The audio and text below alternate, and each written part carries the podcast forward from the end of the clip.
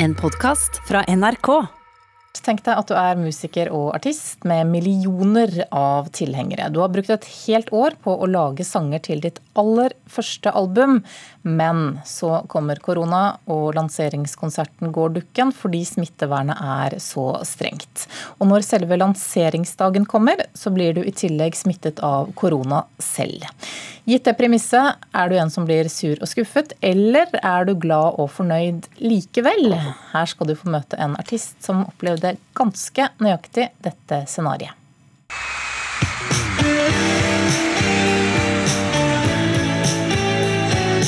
Boy Pablo fra Bergen skal lansere sitt aller første album for fansen denne uka. Det har han jobbet med i et helt år. Men han kan ikke møte presse, kan ikke holde konsert eller ha fest. Og på toppen av det hele, du har fått korona? Ja. ja, det stemmer. Kanskje har ikke du hørt om Boy Pablo, men han har mange fans her hjemme, og i utlandet er han kjempestor. Jeg har fått god, mye god respons eh, så langt. Noen ville kanskje blitt litt skuffa og sure for det som er skjedd. Så jeg har vært veldig heldig, definitivt.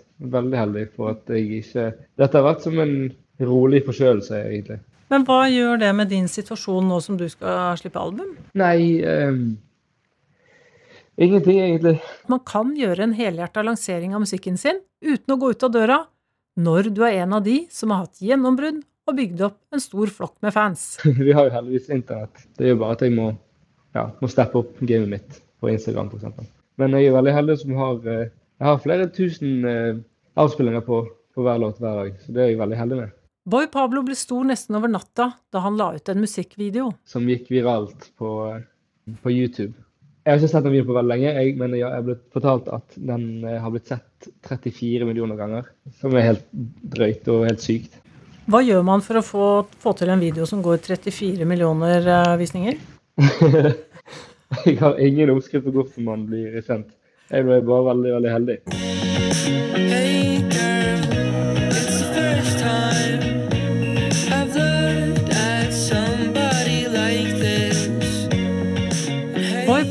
Synger sanger om kjærlighet og er kanskje en av tidenes mest beskjedne. Jeg er jo glad bare noen hører musikk. Altså, så lenge musikken blir hørt i det hele tatt, så er jeg kjempeglad. Reporter her det var Elisabeth Grøndal.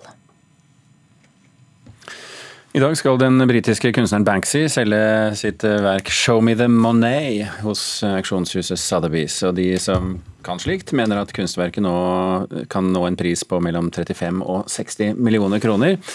Og da Banksy-verket 'Girl With A Balloon' gikk under hammeren i 2018, så ble jo bildet delvis makulert idet det var solgt, noe Banksy selv innrømmet etterpå å stå bak. Så vi er jo selvfølgelig spent på hva Banksy finner på denne gangen. Tommy Sørbø, kunsthistoriker og kunstskribent, god morgen. God morgen, ja. Kan du først uh, fortelle oss hva slags bilde det er som nå skal auksjoneres bort? Ja, det er jo et uh, oljemaleri. Det er jo ikke et uh, veldig typisk for Banksy, som jo er mer kjent for uh, å operere på gatehjørner og ut i byer og i urbane miljøer. Dette er en, et tradisjonelt oljemaleri som ligner til forveksling på et maleri av Monet, et av hans mest kjente.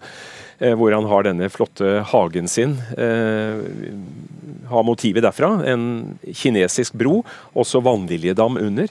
Og Det som er litt spesielt med dette bildet, er jo det at uh, i, uh, det stikker opp handlevogner av, uh, av, vannet. Så det er liksom en sånn kritisk kommentar da, til forsøpling av, av, naturen. Litt i den stilen vi kjenner fra Rolf Groven, 'Oljeferd i Hardanger' f.eks. Mm. Men, men det virker som han leker med, med kunsthistorien her, Sørbø. Gjør han det, eller har han et politisk aspekt ved det, eller begge deler? Begge deler. Han eh, går inn i kjente motiver, ting som nærmer seg klisjeer, eh, kitsch nesten. Eh, og så fyller han de med et nytt innhold.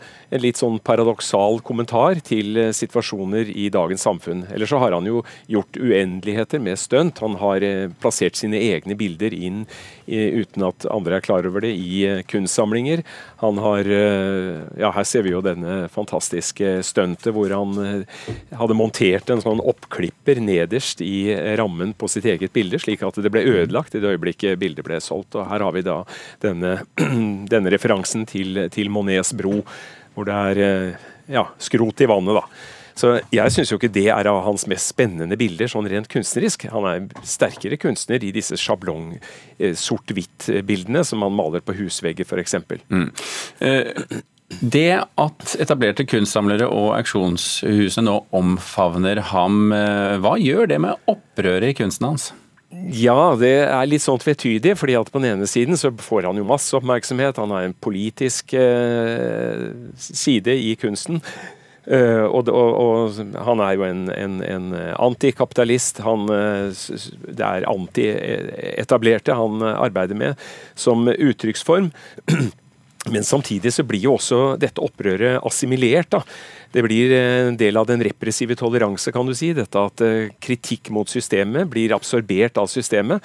Og Du har jo også de som har beskyldt han for samarbeidet med Puma, altså en sånn stor uh, merke uh, Sportsklær. Sportsklær, ja. Uh, hvor han angivelig da hadde noen T-skjorter som han tjente penger på, og som profilerte Puma. Og Det er jo en problemstilling som har vært eh, lenge i, i kunsten, og i moten ikke minst. At Coca-Cola, Adidas, store eh, merkevarer kommer etter street art, kunsten, etter uttrykket på gata, og omfavner dette, bruker dette i sin markedsføring, slik at energien i det undergravende prosjektet i kunsten blir borte. Mm. Eh, dette påfunnet Uh, sist uh, Vi snakket om den makuleringen av bildet som uh, startet i det øyeblikket det var solgt. Kan man vente tilsvarende hva skal vi si, påfunn under auksjonen i dag? Ja, si det. Hva skulle det være? Det vet jeg ikke. Jeg regner med at de har undersøkt rammene Eh, Sotheby's fikk jo kritikk for ikke å ha undersøkt dette godt nok. Da, at det var en sånn makuleringsmekanisme nederst i rammen. Eh, men eh, det er klart at han bruker jo offentligheten, han bruker jo mediene, han bruker jo sitt omdømme her. Så kunstverket er jo ikke bare selve den gjenstanden, men det er det at vi omtaler det nå, og det at vi forventer et eller annet stunt knyttet til dette. Men det interessante er jo at dette kunstverket som ble klippet opp, eieren av det var jo bare glad, fordi nå fikk han jo masse oppmerksomhet. så bildet i seg selv hadde i utgangspunktet ikke stor betydning, men det at det ble klippet opp, det øket bare verdien på kunstverket. Vi er spent på det som skjer i dag. Tommy Sørbø, takk for at du kunne være med oss i Nyhetsmorgen.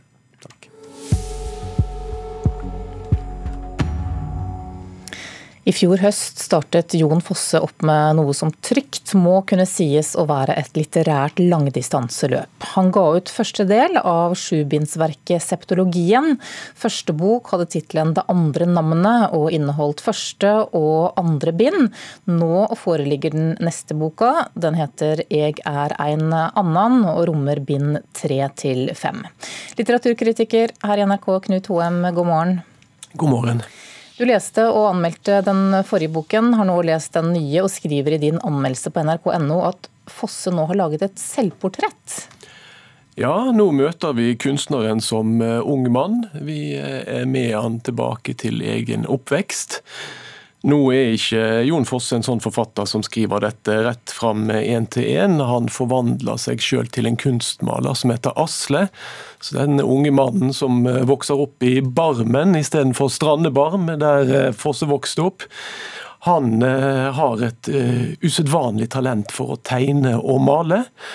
Men eh, så er spørsmålet hvordan skal han klare å male sitt innerste bilde, som det står, og bli den han skal bli når ingen rundt han forstår hva det er han holder på med.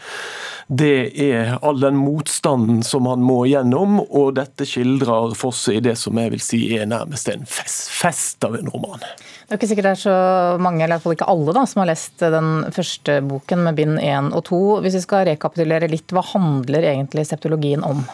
Rammen her er jo at eh, Asle, kunstneren, den aldrende kunstneren, kjører inn til Bergen for å levere noen bilder til eh, galleristen sin, for han skal ha juleutstilling.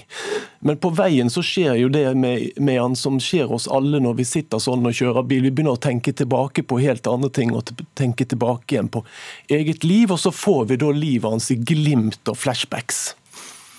Formen på denne historien er også ganske spesiell, for det er ikke et eneste punktum, rett og slett? Hvordan kopierer man bevisstheten sin? Altså Fosse har funnet sin eh, metode, og da skjer det jo nettopp i at eh, han veksler mellom denne her nåtidsscenen og disse flashbacksene på en elegant måte. Det tok litt tid å bli vant til det. Eh, første bindet var litt sånn oppvarming. Nå er liksom i gang med marsjfarten og turtallet, og det bare durer fremover. Vi møter bl.a. en mammaskikkelse her, moren til Asle, som nærmest nærmest stuper ut av boksidene, som er uforstående og vrang og motvillig, akkurat sånn som en mamma skal være. Hva er den foreløpige dommen din da, når du nå har lest fem av sju bind?